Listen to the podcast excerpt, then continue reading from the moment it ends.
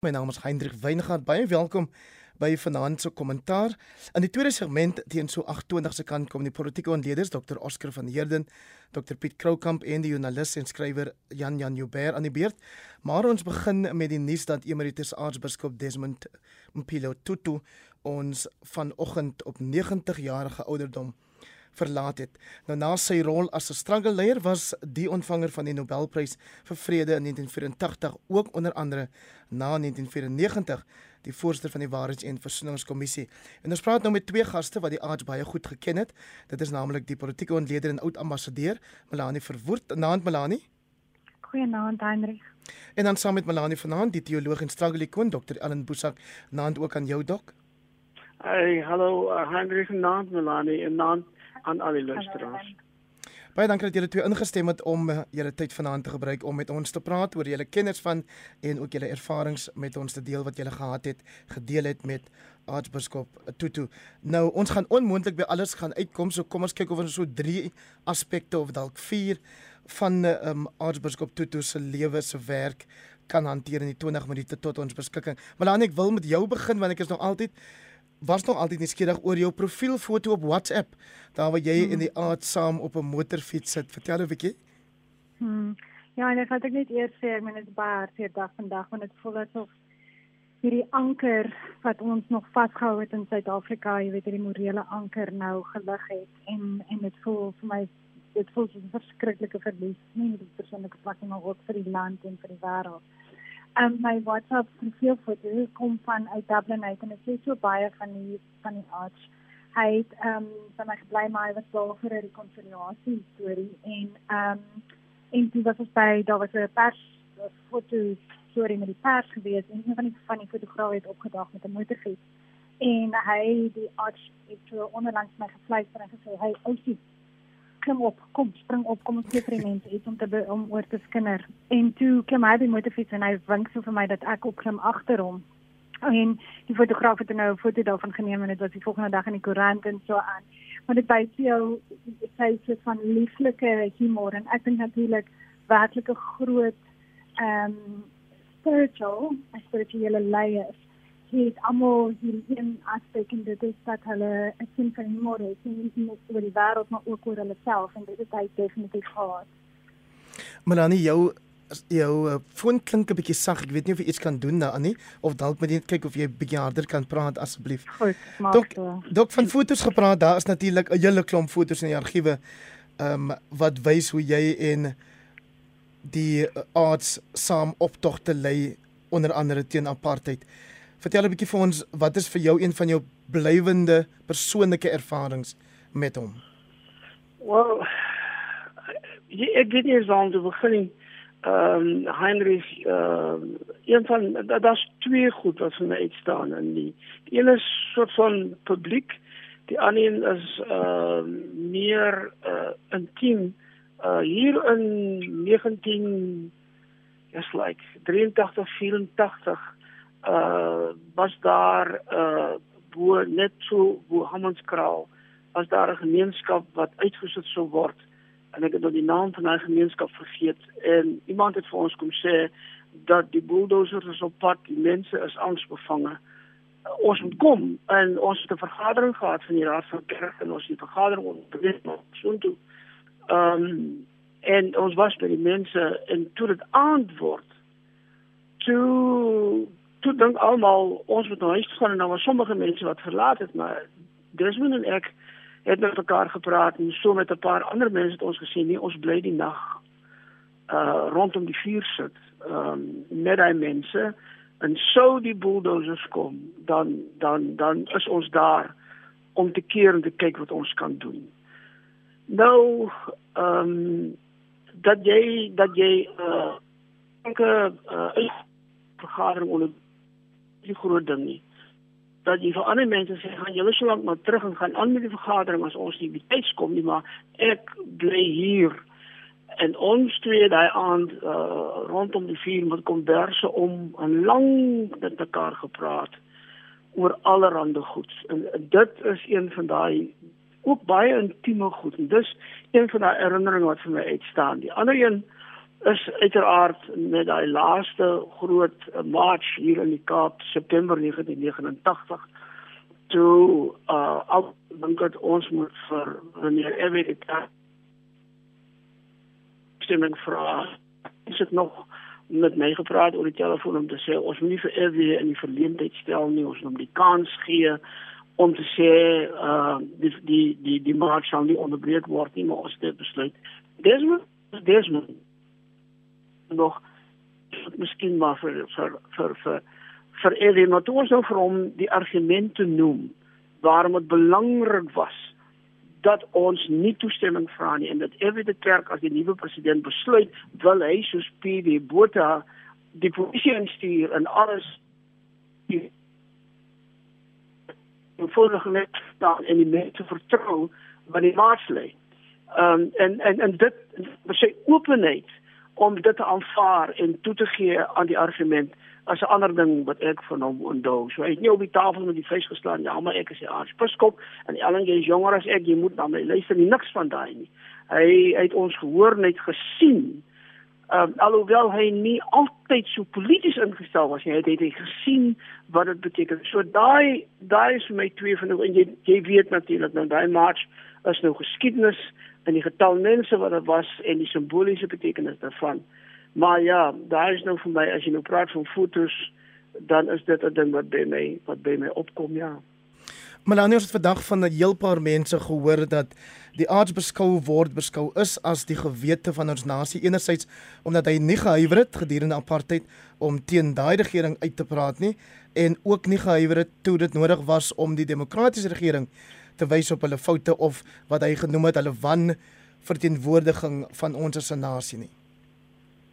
Nee, presies. Ek meen toe hy het so net so ernstig soos hy uitgepraat het teen die apartheidsregering, het hy ook baie ernstig uitgepraat teen die ANC en toe hy en dit was dit het sy hart gebreek die feit dat dat die ANC regering baie wat so wat verkeerd gegaan het onder die ANC regering en veral natuurlik onder Zuma en hy sal onthou dat toe die ANC regering nie vir die Dalai Lama 'n visum wou gee nie dat hy in 'n perskonferensie was woedend reg ook so en gesê het dat hierdie regering met hierdie optrede is net so erg as die apartheidsregering. En hy het natuurlik later ook baie openbaar gesê onder Zuma onder jare onder Zuma dat hy nie vir die ANC gaan stem nie. En ek dink wat dit is wat so wonderlik van hom was is dat daai morele integriteit van hom ehm um, het gebly deur alles en en want dit het vir hom gegaan oor die waarheid, né? Nee? Dit het vir hom gegaan oor 'n Bybelse teologiese geloofs-oortuiging ehm um, van dit wat reg is en dit wat verkeerd is en hy was vreesloos as dit daarby gekom het. Ehm um, en en dit 'n diep diep spirituele man ehm um, wat vir my altyd so geraak het is die paar keer wat hy by my gebly het is en almal sal dit vir vertel is dat hoe hy elke liewe oggend het hy eers ehm um, het hy tyd gevat natuurlik in gebedstyd en so aan en het hy ook die nagmaal gedoen. Hy hy het nie weet en hy het jou uitgenooi om saam met hom dit te doen. Ehm um, so 'n diep spirituele man en dit is wat sy oortuiging gedryf het. Dit was nie politiek wat hom gedryf het nie. Dit was dit wat die waardes waaraan hy geglo het en wat wat sy sy lewe gewy het. Terselfdertyd Dr. Bosa kritiek teen die aartsbiskop dat dit juist daai spiritualiteit was, sy rol as 'n aartsbiskop wat deurslaggewend was vir sy rol as die voorsteur van die waarheidskommissie en waar hy gereeld kritiek gekry het dat hy dalk bietjie minder daarvan moes wees sodat ons hopelik bietjie meer van die waarheid kon kry. Wel, kyk, uh, die kritiek dat hy van die waarheids- en versoeningskommissie 'n Christelike ritueel gemaak het, is geregverdigde kritiek. In die sin dat jy sal onthou dat die waarheids- en versoeningskommissie in die lewe geroep deur 'n beslissing van die parlement. Dit was bedoel om 'n baie sekulêre proses te wees. Ehm um, maar ek het ek het ek het al uh, 'n boek daaroor geskrywe. Jy kan nie vir Desmond Tutu, Desmond Tutu vra om so 'n proses te lei waar daar woorde soos verzoening en vergifnis en sovoorts wat reguit uit die evangelie uitkom en wat in sy hart weer klink soos in baie weinig ander harte en dan van hom sê moet dit 'n 'n sekulêre proses maak hy sal nie weet hoe nie Desmond het genuinely geweet, ja, maar hoe kan ek so 'n ding begin? Mense vra om belydenis te doen sonder dat ons bid. En hy het gebid en hy het gekom met sy purper kleed aan en met sy kruis wat op sy bors hang en dit gebid in die naam van Jesus en dit kersse aangesteek. Nou, nou jy het jy, jy kan geregverdige kritiek daarop hê. Want die bedoeling van die politici was dat in van die parlement was dat die proses meer sekulêr moes verloop. Jy moenie van Jesus praat nie, jy moet oor ander goed praat. Maar maar maar maar, maar dit is nou weer die onstuitbare Christelikheid van Desmond Tutu. Hy kan self nie anders nie. Hy kon homself nie help nie. En in sy eerlikheid het hy nie probeer om iets anders te wees as wat hy is nie. En en en en hy het net eenvoudig gedink, julle moet my aanvaar soos wat ek is. As jy dit nie wil hê nie, dan is dit oukei. Okay. Maar as jy in hierdie geselskap inkom en ek gaan nou vir 'n mammie vra om 'n polisieman te vergewe wat haar kind doodgemartel het, dan weet ek en sy weet sy kan dit nie uit haar eie uit doen. Sy moet dit doen vanuit die krag van die Heilige Gees. Dis wat sy oortuiging. Nou hoe kan jy in so 'n situasie kritiek oplewer? Ehm um, wat mense ook kritiek opgelewer het. En ek ken nou 'n paar bekende name wat selfs daaroor geskryf het en gesê wat Desmond gedoen het is hy die proses geoorspiritualiseer. Met ander woorde, daar was mense wat gesê het ehm um, hy het hy het nie genoeg die politieke belang van die ding ingesien nie. Daar was politieke doelstellings met die waarheids- en versoeningsproses. Ehm um, wat Desmond gemis het omdat hy te veel aandag gegee het aan die Christelike kant is hulle is hulle ding. En en en my my kritiek was nie dat hy dit te Christelik gedoen het. My my kritiek was dat die Christelike kriteria wat hy ingebring het het die politici alles in hulle vermoë gedoen om om af te stomp en om die om ons maar om die vereistes te laag te hou sodat hy ons het nie eintlik by geregtigheid iets gekom nie. Nie omdat die Bybel dit nie wil hê nie maar omdat die politieke proses dit wil hê. Ons het nie eintlik by berou en by bekering en by omkering en by en by en by reparasie uitgekom nie. Nie omdat Desmond dit nie wil hê nie want hy het gesê byvoorbeeld dat daar moet uh, 2% rykdomsbelasting uh, op wit mense se rykdom geplaas word oor generasies sodat ons 'n bietjie kan vergoeding doen vir swart mense en daarvoor het mense uit die wit gemeenskap hom gekruisig. Maar maar so so kan jy al daai goeders doen, maar maar maar hy hy het die proses verchristelik nie omdat hy die proses minder effektief wil maak nie, Heinrich, maar omdat hy nie anders kon nie. En my argument is as ons dit meer Christelik gemaak het, meer Bybels, meer skerp soos die Bybel gerig op geregtigheid, dan het ons versoening inderdaad anders gelyk en dan het Desmond Tutu 'n meer gelukkige man gesterwe. Behoort die Afrikaanse media Melanie om verskoning te vra nou dat die aartsbiskop nie meer saam met ons is nie vir die feit dat hy juis ook in daai WVK jare as 'n duiwel uitgekry en dikwels in spotprente uitgebeeld is. Wel, ek dink ek weet ek dink dit is altyd goed om om verskoning te vra vir goed vir dit wat ons verkeerd gedoen het. Ehm um, so I mean ja, ek dink dit sal dit sal goed wees. Ek dink dit is iets wat hy verwag nie. Ehm um, jy weet ek ek ek ek het hom gesien optree. Die eerste keer wat ek hom ontmoet het was in Stellenbosch. Ehm um, wat hy daar met studente kom praat het en dit was in die vroeë 90er jare en en die studente dit was die eerste keer dat hy by kampus gekom het en die studente het so aangegaan voor die tyd en dit was verskriklik onaangenaam geweest en so aan. En maar hy die aand het hy ingekom en hy het ehm um, daar was 'n feitklaner tussen die linkse en die regse studente net voor hy ingekom het in die saal en, hy het ingekom en hy het doodstil gestaan en mense het stil geraak en hy het gesê goeienaand en dit is al klaar in Afrikaans en dit is al klaar mense het van hom rondgegooi. En toe begin hy en hy vertel 'n grappie van van homself en Bridget Bardot wat by die in die hemel kom. En teen die einde van daai aand en, en regtig ek kan nie mense vergeet hoe intens dit was en hoe mense hom gehaat het in die Afrikaanse gemeenskap op daai stadium. Het hy het hy het daai studente almal opgestaan en vir hom 'n staande applous gegee. So ek dink dit is die regte ding om te doen, maar ek dink dit is iets wat hy noodwendig sou verwag het nie, want vir hom het dit gegaan oor hy kon mense draai en hy het mense vergewe. Ehm um, voordat jy weet sonder dat hulle noodwendig vir hom verskoning te gevra het. Dink ons het nog so 5 minute oor. Die aard was ook bekend daarvoor natuurlik dat hy nie teruggehou het as hy gereken het daar's internasionale leiers buite ons landsgrense wat ook kritiek uh, verdien nie. Tony Blair en uh, George Bush kan daarvan getuig. Ja. Hy het gemeen hulle behoort ja. voor die internasionale strafhof ge, ge, ge, gedaag te word oor die oorlog in Irak. Ja.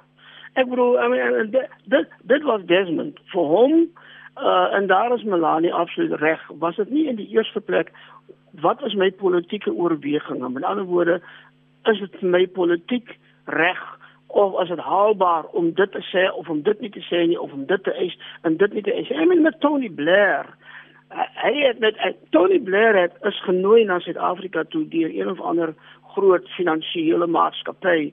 En Desmond is gevra daar was 'n groot middagete en Desmond is gevra om Johannesburg toe te vlieg en daar die openingsgebed te doen by die middagete. En wat hulle wou hê was dat natuurlik hy moet sê met sy priesterlike seën sit. Nie net op die gebeure nie maar oor wat daai mense besig was om te doen en oor Tony Blair. En Desmond het gesê ek weier um, om te kom ek gaan nie vir Tony Blair die indruk gee dat hy vir vergifnis kan ontvang net om om om omdat hy dit wil hê nie. Hy skuld die mense van Irak. Sê die mense van Irak se bloed is op sy hande soos George Bush se hande is. Daai Uh, in ander woorde jy sê nee vir internasionale eer en ek neem aan dat om 'n groot honorarium aangebied want hulle doen dit vir dis goed. Hy sê vir al daai goed nee en en hy het sy mede 'n uh, uh, Nobelprys genoot aan Xi Jinping van van van Myanmar.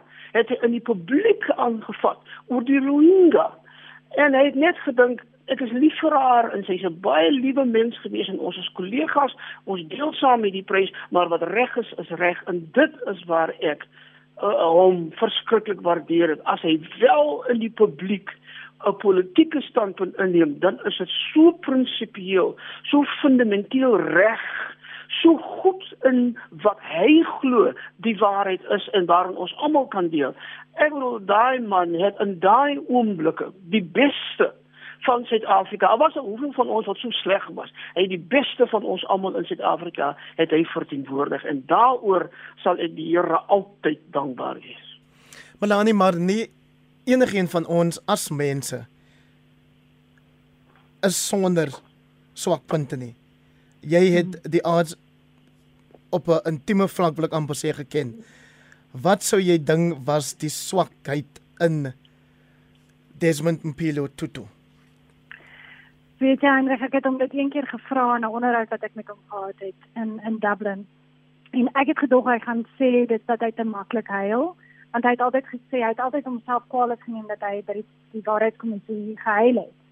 En toe sê hy nee, dit is nie dit nie, hy, hy raak vir homself en dit was nie sy plek om te huil nie. Maar sy grootste swakheid is dat hy wil hê dat mense moet vir hom lief wees. En ek het so baie daaroor gedink vandag, jy weet. Ek hoop regtig daar ek meen daar's so 'n diepe menslikheid daarin, jy weet, wil ons nie maar dit almal hê nie. Maar maar die feit is ek hoop dat hy so hy gesterf het en nou waar hy ook al is, nou ek is seker as iemand hom toe gaan as daar hemel is dan definitief hy. Maar ek hoop dat hy weet hoe verskriklik lief in ons land se mense en ook die wêreld vir hom was.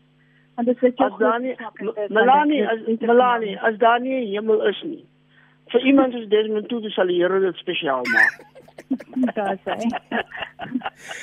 Ek het jy op die televisie hoor sê vanmiddag Desmond Tutu was 'n diep spontane mens. Maar maar ek wil jou dieselfde vraag vra. As jy dan nou sonder om sleg te praat van die dooies iets moet uitwys wat jy dink wat hy anders kon doen, wat sou dit wees? Well, ek het dit al ek het dit al hoeveel keer in die publiek gesê en dit geskryf en ek het ook vir hom gesê daar's 'n daar's 'n hoofstuk in in in in 'n boek wat ek geskryf het saam met iemand anders met die titel uh Radical Reconciliation en die laaste hoofstuk in daai boek uh se titel is die re-radikalisering van Desmond Tutu en Ek het daai hoofstuk vir hom gestuur voor ons dit na die uitgewer toe gestuur het om gesê, "Wil jy daaroor praat? Ek wil nie iets sê wat jou seermaak of wat jy dink verkeerd is nie." Maar ek het my gesê, "Jy hoef nie 'n woord te verander nie." En in daai hoofstuk sê ek, "My probleem was dat deur die deur die loop van die WVK het Desmond Tutu van sy radikaliteit verloor. En miskien is dit soos wat Melanie sê, hy wil so graag hê dat almal vir hom lief is. Miskien was dit ook dat daar soveel politieke druk op hom was wat ons nie van geweet het nie, want daai moes 'n projek wees wat dit moes slaag ter wille van die politieke werklikheid van Suid-Afrika. En daaroor kan ons oor 'n ander dag praat. En hy toegegee daarvoor.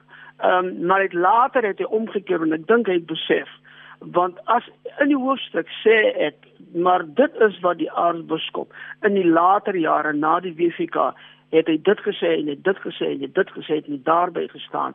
En hy het my gesê jy is absoluut reg. En so ek het geen enkel woord daarvan verander nie maar dit so is dit. Maar ons het almal daai foto maar jy weet ehm um, selfs al sou ek die foto van Desmond Tutu verduisendvoudig dan is hy nog steeds die mens wat diep in die hart van die mense en van die Here gekruip het. En vir my Andries is dit is dit genoeg. Melanie, my kollega Renske sê ons het tog nog 30 sekondes dat jy vir ons vinnig die storie vertel van die arts wat bid daar by jou woning of by 'n geleentheid, ja, by jou huis as ambassadeur in Ierland met Bono die sanger wat ook daar is. 30 sekondes.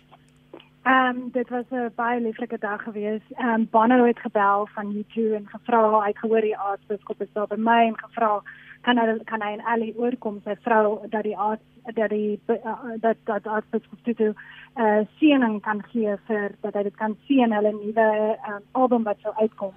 En ons kom toe en en die aartsbiskop sê ons moet almal in 'n kring staan en hande vashou en ehm um, of net so 'n kringetjie staan en hy begin bid toe in Khosa en dit is nou klink of hy so 'n bietjie begin aan die einde te trek begin Bono se hand so in sy face so in die lug sit en die ehm um, aartsbiskop maak toe sy een oog so oop en hy sê not yet man. En in geval hy bid toe 'n stukkie Afrikaans en weer hier gaan Bono se face op en die aartsbiskop kyk hom weer so met die een oog aan. En hy sê not yet man. En toe bid hy in Engels en toe hy toe hy klaar is wanneer staan toe maar ewe jy weet hy sê nou lekker oor die uh, hy sê ons nog gerap so bietjie. Wanneer staan toe doodspel en toe die was toe as wat skop toe klaar skop hy vir Bono so onderlangs teen die ankel teen die enkel en hy sê now en die goeie bonus is hy vyf in die lig met so rock and roll statement en hy sê amen. En dit is so gelag want dit is dit is 'n kostelike storie maar dis nou waar ek moet amen sê vir vanaand se eerste segment. Baie baie dankie Melanie Verwoerd oud ambassadeur en deursa politieke ontleder en Dr Ellen Bosak teoloog en 'n struggle ikoon vir julle tyd vanaand. Baie dankie. Goeienaand. Dankie Heinrich. En nou vir die tweede segment van vanaand se program verwelkom ek die politieke ontleeders, doktore Oscar van Heerden van die Universiteit van Fort Hare en Piet Kroukamp van die Noordwes Universiteit se Sakeskool en saam met hulle die politieke joernalis en skrywer Jan Jan Joubert. Die politieke jaar 2021 lê op sy rug, maar net toe ons wou begin glo, ons kan nou maar skemerkelkies begin sluk, toe is Jacob Getles Sekisla Zuma weer in die nuus. Wat anders na Zuma se tronkstraf staan vir julle uit wil ek vanaand weet en ek begin met jou Piet. Uh jy praat van die jaar, nee, okay, ek dink dit vir my uitstaan van die jaar was ek ek dink mense kan nie by die uh, idee van die verkiesing verbykom. Die verkiesing was ek dink beslis die grootste uh gebeurtenis van die jaar en die belangrikste rede om die grootste gebeurtenis van die jaar was was natuurlik omdat die ANC die eerste keer in die geskiedenis uh onder 50% uh, ingekom het en by 45 punt ek dink 8 of 9%. Uh dit beteken dat uh, die volgende nasionale en provinsiale verkiesing kan meer dingend wees. Uh, dis 'n baie belangrike ding. Die ander ding wat gebeur het is natuurlik uh, die uh, in Julie ja die die die 8 dae van uh, van geweld wat in Suid-Afrika was. Dit het vir ons 'n nuwe verklaringsraamwerk geskep oor die uh, die onderbou, die sosiologie van Suid-Afrika. Ek dink daar was baie teorieë oor wat presies daar gebeur het. Uh, daar was die idee dat dit georkestreer is deur 'n klein groepie mense of dalk 'n bepaalde faksie in die ANC en uiteindelik is niemand gearresteer ten spyte van 12 mense wat geïdentifiseer is. En ek hou nog steeds by my storie dat dit 'n tipe van 'n internal combustion was 'n ontploffing wat ontstaan het as gevolg van 'n verweerde sosiologie in Suid-Afrika. Maar ons kan daaroor gesels. En dan uh, kan mense nou uh, daar's daar's baie dinge wat uitgestaan het maar ek dink wat ook vir my uitgestaan was die uh, kabinetswysiging wat die president aangebring het wat uiteindelik uh, beteken dat Zwelin Kiesi moes bedank het. En die rede hoekom dit vir my uitstaan is uh daarna het die president vir my in 'n groot mate die die die die die COVID pandemie het hy soort van beheer geneem die blou druk daar daarop afgedruk en van daar af elke slag maar hy aankondigings gemaak het oor COVID het ek aangeneem dit is nou die president wat as ware omtrent namens homself praat oor hoe hy die COVID pandemie sien, eerder as die minister van uh, van uh, van gesondheid of selfs die minister van Kokta uh, Dlamini Zuma. Oscar, hoe sou jou lysie lyk? Ja, nee, ek stem saam met die krokant. En die drie groot dinge vir my was natuurlik soos hy gesê het, die plaaslike verkiesing, die Julie uh opstande en en onlus en dan natuurlik die die feit dat uh, ons uh, uiteindelik gesien het die arrestasie van oud president Zuma. En ek dink dit is 'n baie baie groot ding want mense het soms 'n uh, soort van hulle eie persoonlike emosionele gevoelens uh in terme van oud president Zuma natuurlik hou hulle hom verantwoordelik vir staatskaping en massiewe korrupsie en dis meer maar ek dink vir my was dit 'n historiese uh, dan die arrestasie omdat vir die eerste keer baie baie mense weet mense is altyd geneig om die om die goalposts 'n bietjie te skuif maar vir jare het mense gesê daar's 'n manier waar die ANC een van hulle eie sal arresteer en toelaat om tronk toe te gaan. Daar's 'n manier dat die oud president Zuma uh, enigiets aan met hom gaan gebeur nie. En ek dink die feit dat die ANC dit toegelaat het en gesê dit die reg van hulle regstap, ehm um, die hof se uitspraak moet ge uh, ja aan hef gehou word en ehm um, die feit dat hy uit aan die einde van die dag toe die tyd kom die polisie vir hom uh, tronk toe gevat het. Ek dink dit is baie baie groot histories in die konteks van die kontinent Afrika waar ons weet daar's baie baie uh, min gevolgtrekke vir oud presidente en so voort ons sien uh, Robert Mugabe en en, en talle anders en ek dink daai was 'n groot groot boodskap wat die ANC gestuur het vir die land om te sê niemand maar niemand is oor die reg Wat sou jy Jan Jan wou byvoeg tot die lysie wat Piet en Oscar nou reeds opgestel het? Nie laat ek net hulle verskil nie aan Heinrich um, en goeie naam ook aan aan luisteraars. Ehm um, maar Uh ek sou sê uh, mense moet ook kyk na um waar Piet verwys het na die impak op die ANC van hierdie um munisipale verkiesingsuitslae waar die mense oral behalwe daar in Oscar se wêreld um redelik teen die ANC gedraai het. Um het uh dit ook geweldige impak op die dinamika binne die oppositie en so die mense sou kon sê um hoe die oppositie hierdie situasie hanteer gaan ewe belangrik wees. Um want uh hier's nou 'n geleentheid om bewind oor te neem, lyk dit soos, maar maar dan gaan 'n paar mense hulle egos met uh, los en 'n paar partye hulle standpunte so 'n bietjie moet wysig. So ek dink daai dinamika is belangrik en dan net die twee dinge nou ek dink vir die ANC se verlies aan mag um ondervang het was net swak bestuur en spesifiek aan Eskom. Ek dink Eskom geweldige rol gespeel in die verkiesing in die sin dat die ANC het Eskom totalik afgebreek met die ryter doen sy bes maar um, maar het daar 'n taak en dan um die derde ding natuurlik ek stem saam met Oscar en met uh, Pieters COVID um ek dink ek dink die feit is dat uh daar 'n klemverskuiving gekom het soos wat Piet gesê het um waar um Dr. Mkees um dan nou uitgewys is as 'n waarskynlik weer trap te skelm en um dit het 'n ander impak ook en dit is op volksstryd binne die ANC wat in hierdie volgende jaar gaan afspeel want die ANC het 'n beleidskongres wat opkom in Junie en 'n leierskapverkiesing in uh Desember as hulle hulle takke onder beheer kan kry. Ek sien die eThekwini streek, die grootste streek is Durban, um, kon alweer nie uh, leier kies nie want hulle het nie 70% van die takke is nie uh, behoorlik gekalibreer nie.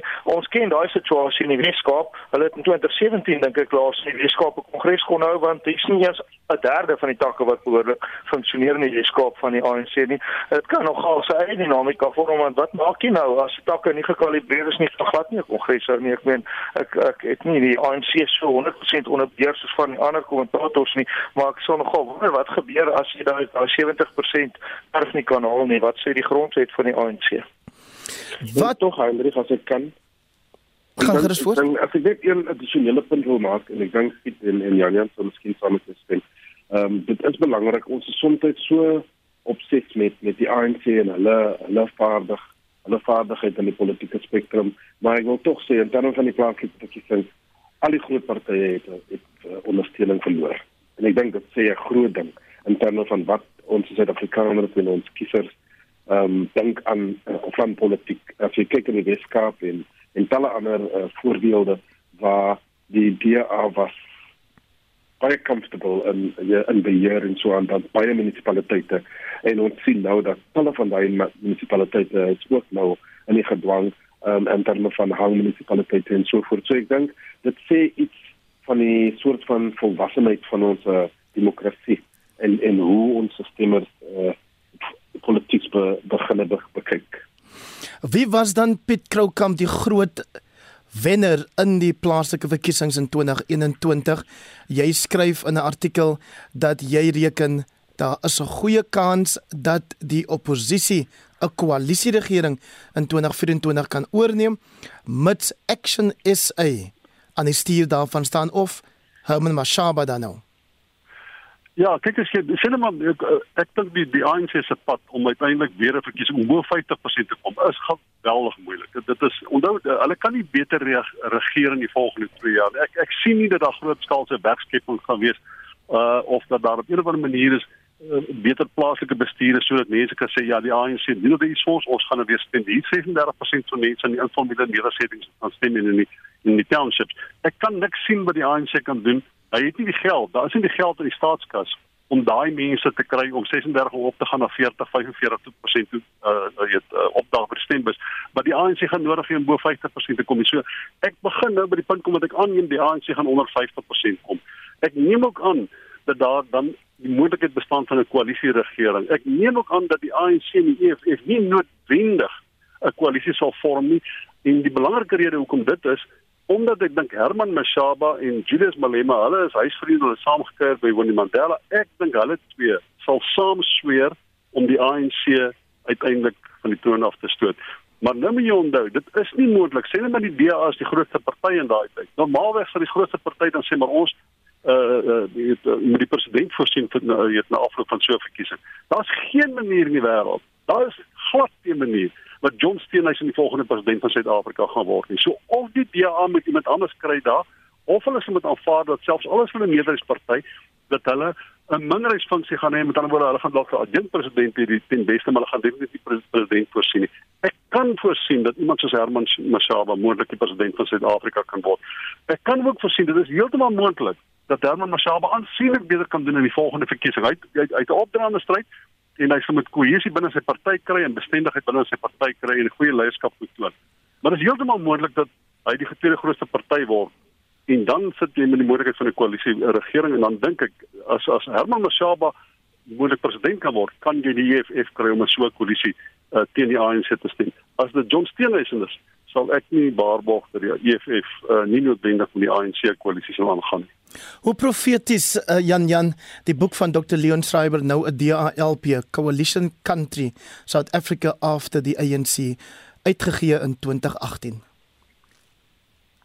Ja, dit verskeie scenario's daar.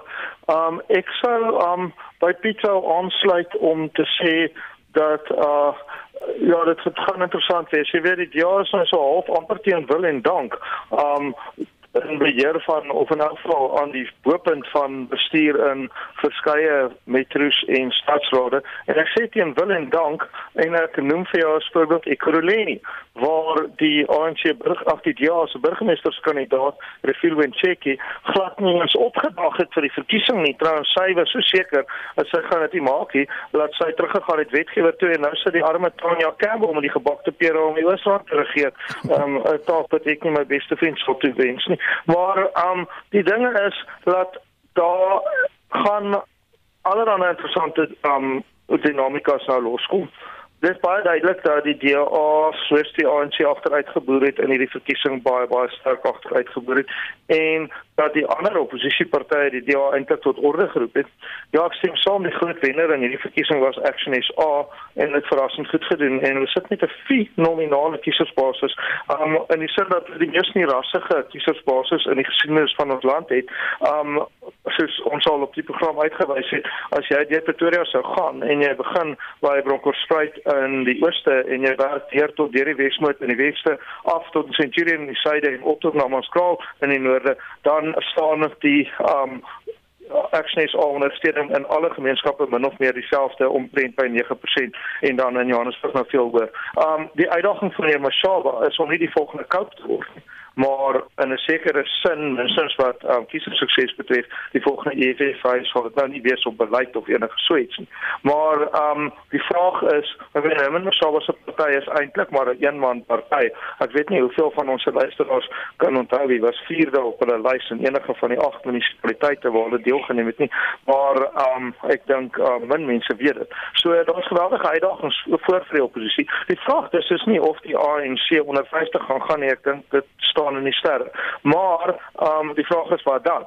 En die wat dan gaan baie afhang daarvan of die DA van sy grootheidsbaan want dit is 'n waan um afskeid kan neem. Dit is so dat um as Action deelgeneem het aan die res van die land sou hulle baie goed gedoen het. Hulle het goed gedoen om te konsentreer en dit het die DA se se fokus van hulle afgehaal vir die grootste deel van die veld. Die DA het so in die laaste 10 dae wakker geskrik en toe vreeslike smeerveld tog teen meneer Mashaba gevoer wat nie baie suksesvol was nie. Maar ek meen as die Action byvoorbeeld hier in die Weskaap gestaan het, dink ek sou hulle minder goed gedoen het daarbo en hier omdat die DA dan so gesê het maar hulle vat die stemme weg.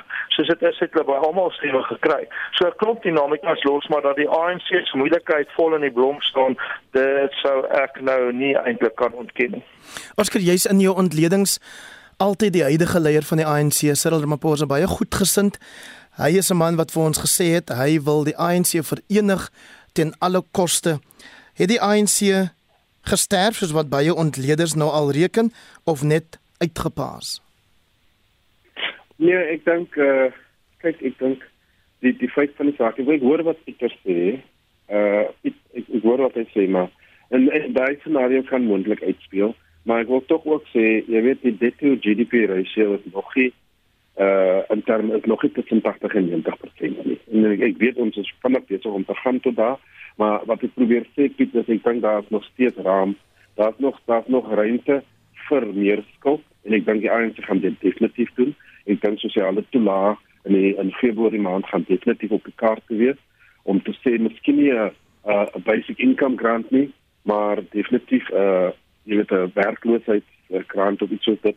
Ehm um, wat wat weer eens nog 'n 7 miljoen tot 8 miljoen mense in gaan bring op die sosiale net Ehm um, so dis 1 2 dan kyk dat ehm um, hulle definitief uh, meer nasionalisties en en en konservatief gaan word as 'n party en moontlik soos mense nou al klaar begin sê dit gaan 'n plaaslike uh, party word. Ek dink plaaslike gebiede en dis meer gaan want ek die na die party toe kom om te sê ons moet stem vir die ANC en die, en die rede die goeie die groot rede is as die oppositiepartye soos ek nou geskryf het oor as hulle uitgangspunt is, hulle wil alles en alles doen om seker te maak die ANC is nie in bewind nie. Wat natuurlik die verkeerde strategie is. Die strategie altans moet wees, wat is dit wat ons vir ons mense kan aanbied wat 'n alternatief is van die ANC? Maar omdat die die strategie nie dit is nie. Dit het niks te doen met die met die kiesers en die stemmers. Dit het alles te doen met die feit dat daar's die emosionele obsessie om seker te maak die ANC is nie in bewind nie. As dit die strategie gaan wees in 2024, dan dink ek mense en dit gaan hulle gaan die taak maklik maak vir die ANC om vir die geswart mense te sê, ehm um, kyk hierdie mense is eintlik hier die hulle belang uh hulle al wat hulle wil hê is die ANC moet in bewind wees nie. Hulle wil voortgaan met die historiese uh imbalances en so aan.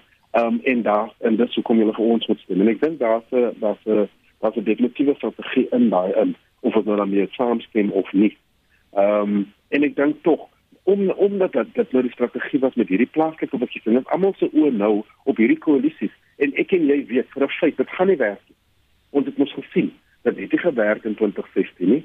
Ehm um, of dit nou in Kabega was of dit nou in Tshwane was of in Kuruleni en in Johannesburg waar Herman Mashaba was.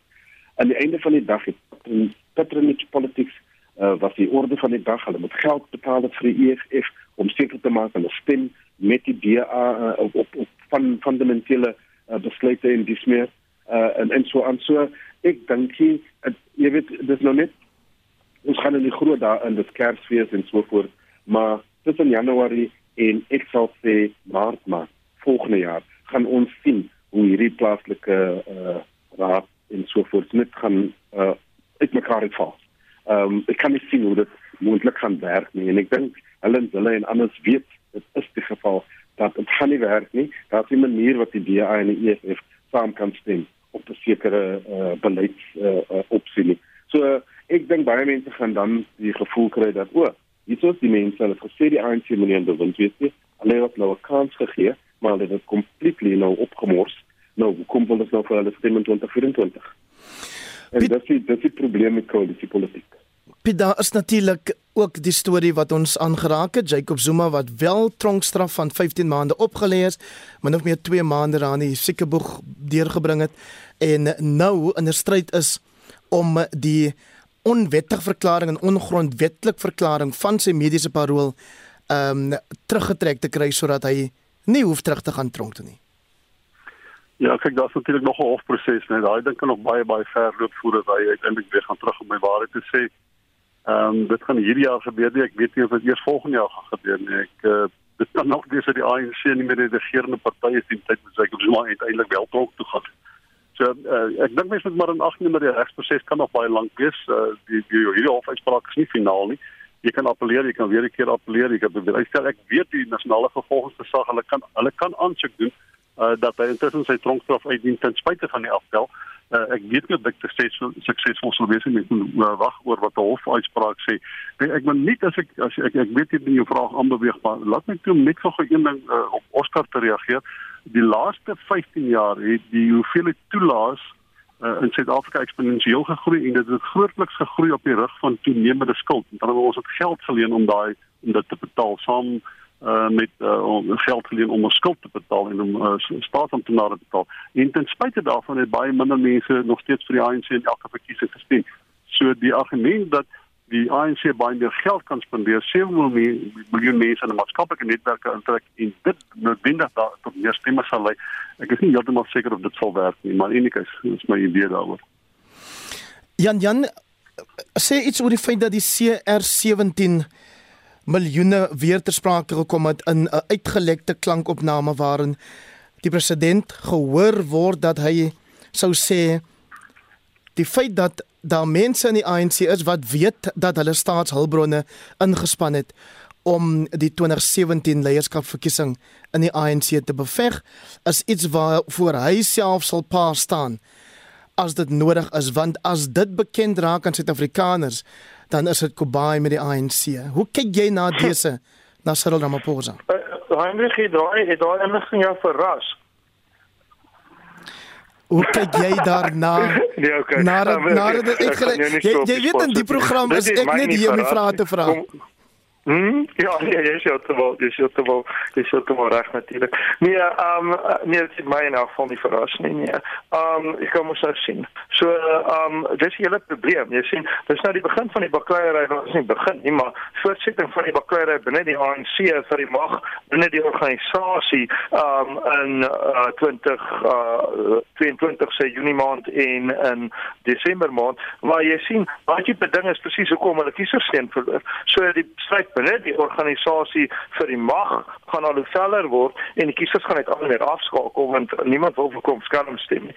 En ek dink die um wortel van daai kwaad, die lê tog sekerlik in die besluit van die ANC op sy kongres in My King, dis is nog Maffy King, um wat in 1997 was, as ek reg onthou, ja, 97 en waar daar besluit is op die hele konsep van kaderontplooiing. As jy begin om die staat en die party in te haak, dan gaan die tipe ding gebeur waarna aan die klankgreep verwys word en ek dink um ek dink 'n blinde mens kan sien en 'n doewe mens kan hoor en enige iemand kan aanvoel dat uh, daar wel 'n element van waarheid in daai bewering is. Trouwens 'n reusagtige element en ek gebruik weer eens die voorbeeld hier uit die Weskaap van die Weskaapse ANC. Um wat ons ons nou uit die getuienis vir die sondekommissie weet dat uh, die bewering word gemaak deur die waarnemende hoof van nasionale intelligensie um die SSA wat in sedertdien nou sy pos verloor het. Um, niemand weet of dit as gevolg daarvan is nie. Dat inderdaad soos ons altyd gewonder het waar moet die geld vandaan kom vir die Weskaapse ANC se verkiesingsveldtogte? Want hulle kan nie as hulle kantoor hier betaal nie en as jy weer sien dat hulle verkiesingsveldtogte is net 'n logiese punt.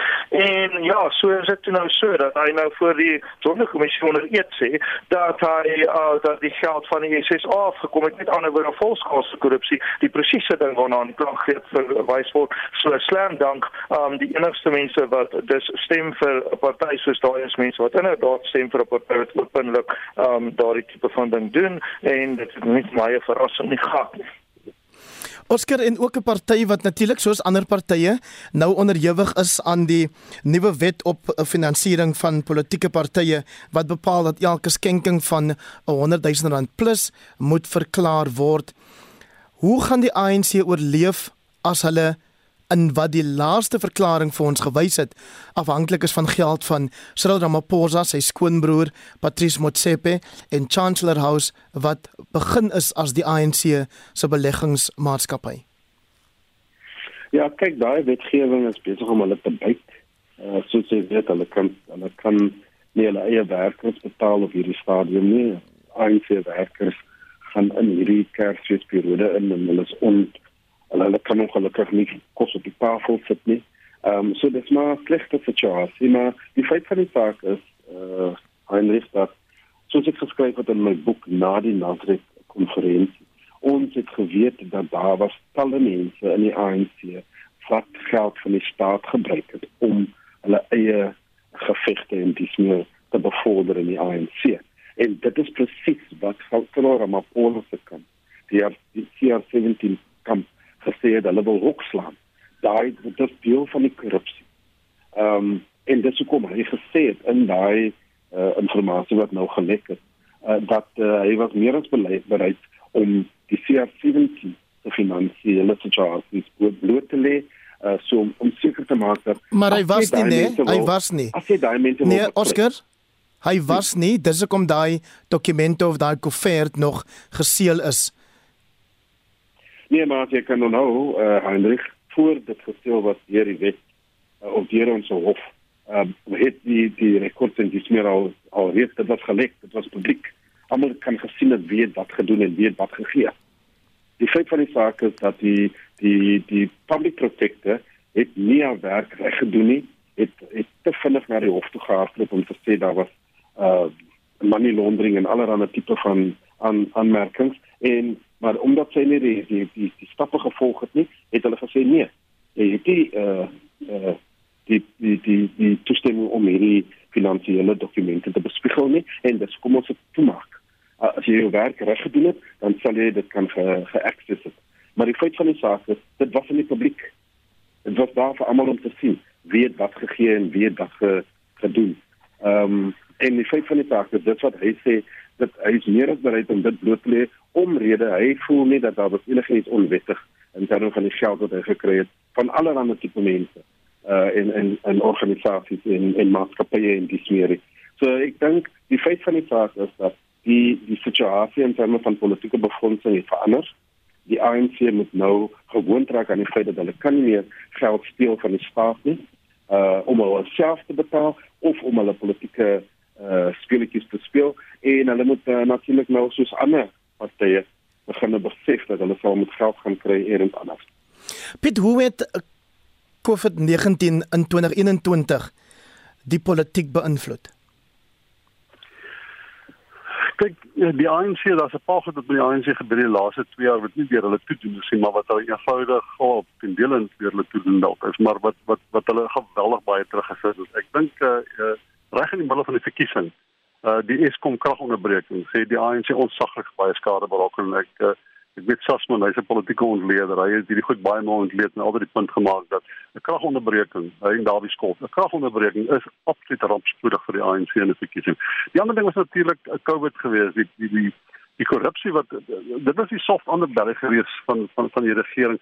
Toe dit toe dit uh, belangrik is dat ons op etiese gronde so half die tenderproses uh en die uh, die spoed waarteen bepaalde dienste moet gelewer word van die sogenaamde PPE's. So so daai ding moet lig kry en jy moet dit in 'n bepaalde spoed doen en die oorsig is nie noodwendig altyd wat dit is nie. Dit is nie parlementêre oorsig noodwendig nie.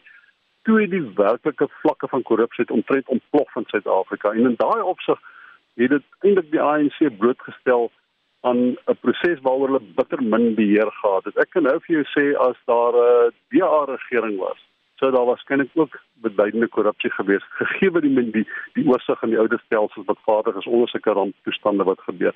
Dit dit die ANC vat die van die van die grootste deel van die pyn vir hierdie ding. Maar da, dit sou altyd moeilik gewees het om COVID en die naderheid daarvan te bestuur. As jy nou kyk wat gebeur in ander lande, baie van die goed van tipe korrupsie, ons lees daarvan selfs in Brittanje, ons lees daarvan in in Amerika. Met ander woorde, dit gebeur in alle lande waar jy tydelik minstens die uh, die spelreëls of die wetgewing moet opskort om voorsiening te maak vir 'n rampsituasie. Dan is dit baie baie moeilik om korrupsie te bestuur. Ek dink dis 'n hand by die ANC gekry het wat hy swak sou gespeel het, noodwendig swak sou gespeel het, maar ander partye waarskynlik ook swak sou gebestuur het gegee die omstandighede. Dis iets waarmee ons nog nooit in die verlede uh uh het uh, moes bestuur het nie. Uh, so 'n ramptoestand. En ons kan maar net kyk hoe ander lande gesukkel het. Daar is omtrent nie 'n land in die wêreld wat hierdie ding reg bestuur het en sonder korrupsie bestuur het en skoon bestuur het en met die regte doelstellings en die regte uitkomste bestuur het nie. Toe hierdie chaos ont, ontstaan, was dit eenvoudig net nie moontlik vir die ANC om beheer te kry oor die kaders, oor die bestaande swak bemagtigingsmodelle wat in die foute wat aan bestaan het en die bestaande kaderontwikkelingsprobleme wat op staan, het net eenvoudig na, na boontoe gedryf. Uh dit het die ANC geweldig geweldig blootgestel. En Piet, wat wat is jou opinie? Ek vra graag hoor, wat is jou opinie rondom ek sien vir sameswerings en wat is jou opinie rondom die feit dat net twee weke na die verkiesing is alles nou weer piek fyn in terme van Eskom. Dis was glad nie meer kragonderbrekings en dinge nie ek vind dit baie baie snaaks. Eers kom praat dat ek Ja, kyk ek ek ek ek ek ek glo nie die swaan sameswering is op gesner. Kyk is baie moontlik vir Eskom, né? Of hulle kan krag voortdurend voorsien. Jy kan alle krag onderbreek. Piet kan ek jou ekskuus man, Piet kan ek Piet kan ek jou gewoon rede val ek is jammer. Ons kan nou oor oor Eskom bietjie meer praat. Ek wil net hê jy moet vir ons ook sê jy daarmee nou bedoel Die luisteraars moet simpatie hê met die ANC. Die luisteraars moet op 'n manier verlief neem daarmee dat daar maar korrupsie sal wees uh, omdat dit ook elders kom Heinrich. Ja seker.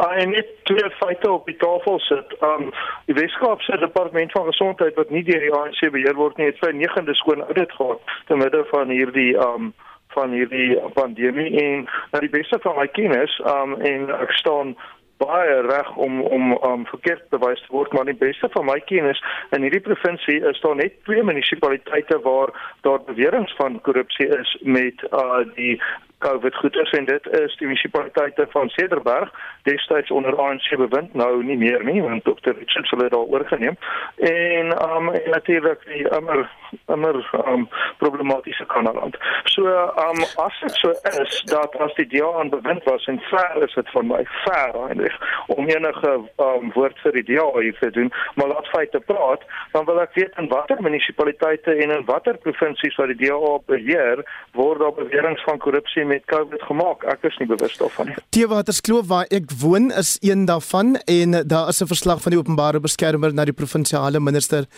ehm um, Anton Bradel om aandag te gee aan die amptenaar wat daar beskuldig was en waar daar bevind is daar was genoeg rede om 'n behoorlike ondersoek daarna te doen. Maar ek wil nie eers met daar vashang nie. Ek wil net hê Piet, jy moet gou sê of jy bedoel dit daarmee die luisteraars moet nou tog maar op 'n manier verstaan, jy weet, daar is nou oral korrupsie en uh, dit sou nooit anders wees nie.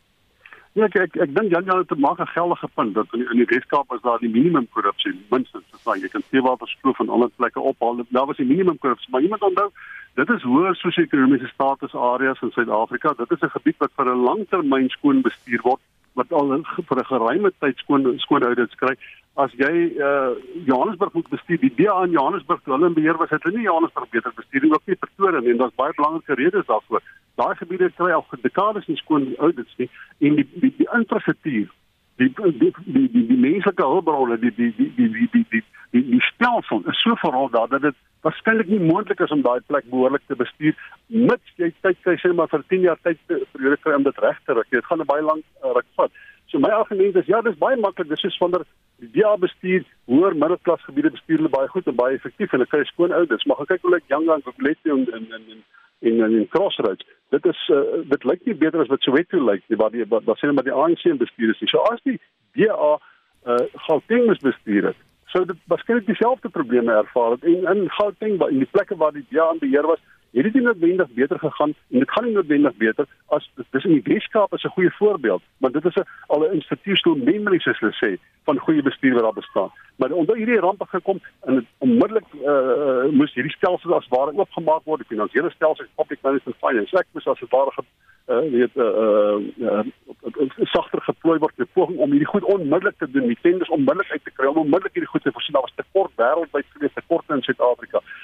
Ek dink nog steeds dat enige party sou gesukkel het, veral buite die Weskaap om Gauteng en KwaZulu-Natal om hierdie ding behoorlik te bestuur ongeag watter partye was. Dit sou nie eenvoudig moontlik gegee die omstandighede wat ons het. Ek praat nie van intensies, nie gegee die omstandighede wat ons het, sou dit altyd moeilik gewees het. Dis is om die argument dat ons uh, dat ons dit afhanklik die die, die, die land drie weke toegesluit sodat ons die hospitale kon voorberei. Daar is niks wat jy kon doen om die hospitale in die Oos-Kaap en groot dele van van Gauteng voor te berei vir wat gekom het. Niks wat jy kon doen nie. Dit was eenvoudig net van te lae basis af, te swak bestuur, te korrup en uh, uh, finansiëel te vervallig geweest om onmiddellik die plek beter te bestuur. Geen party sal waarskynlik hierdie plek uh, beter bestuur behalwe as hy weet vir 'n tydperk van 10 jaar in beheer was en die stelsel opgegradeer het oor tyd.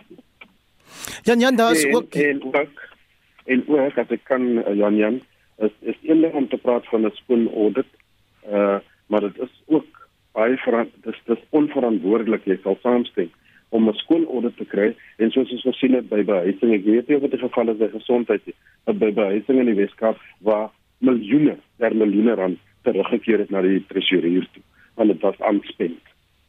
So dit is is baie maklik om te sê as dit 'n skoon audit en dit beteken as niks korrupsie nie, maar dan gaan miljoene geld terug na die nasionale uh, tresourier toe want dit was ge, gespandeer.